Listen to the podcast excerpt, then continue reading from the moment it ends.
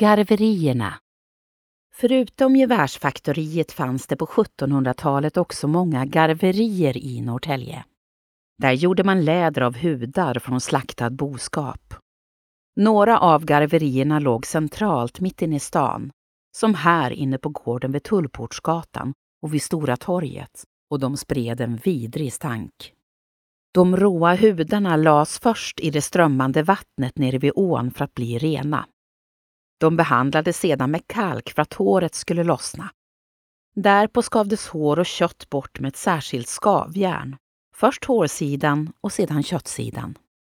Efteråt fick hudarna ligga i den så kallade pyren, en stinkande blandning av vatten och exkrementer som varje dag rördes om med käppar.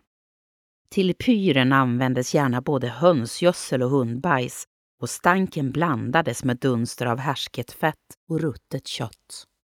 Efter noggrann sköljning tog den egentliga garvningen vid, där hudarna fick ligga i ett bad av ek eller granbark i upp till två år. Avfallet från garverierna tippades i sjön, där avfallslagren med tiden blev till Societetsparken. Än idag är ett område i parken instabilt. Marken rör sig då avfallet multnar.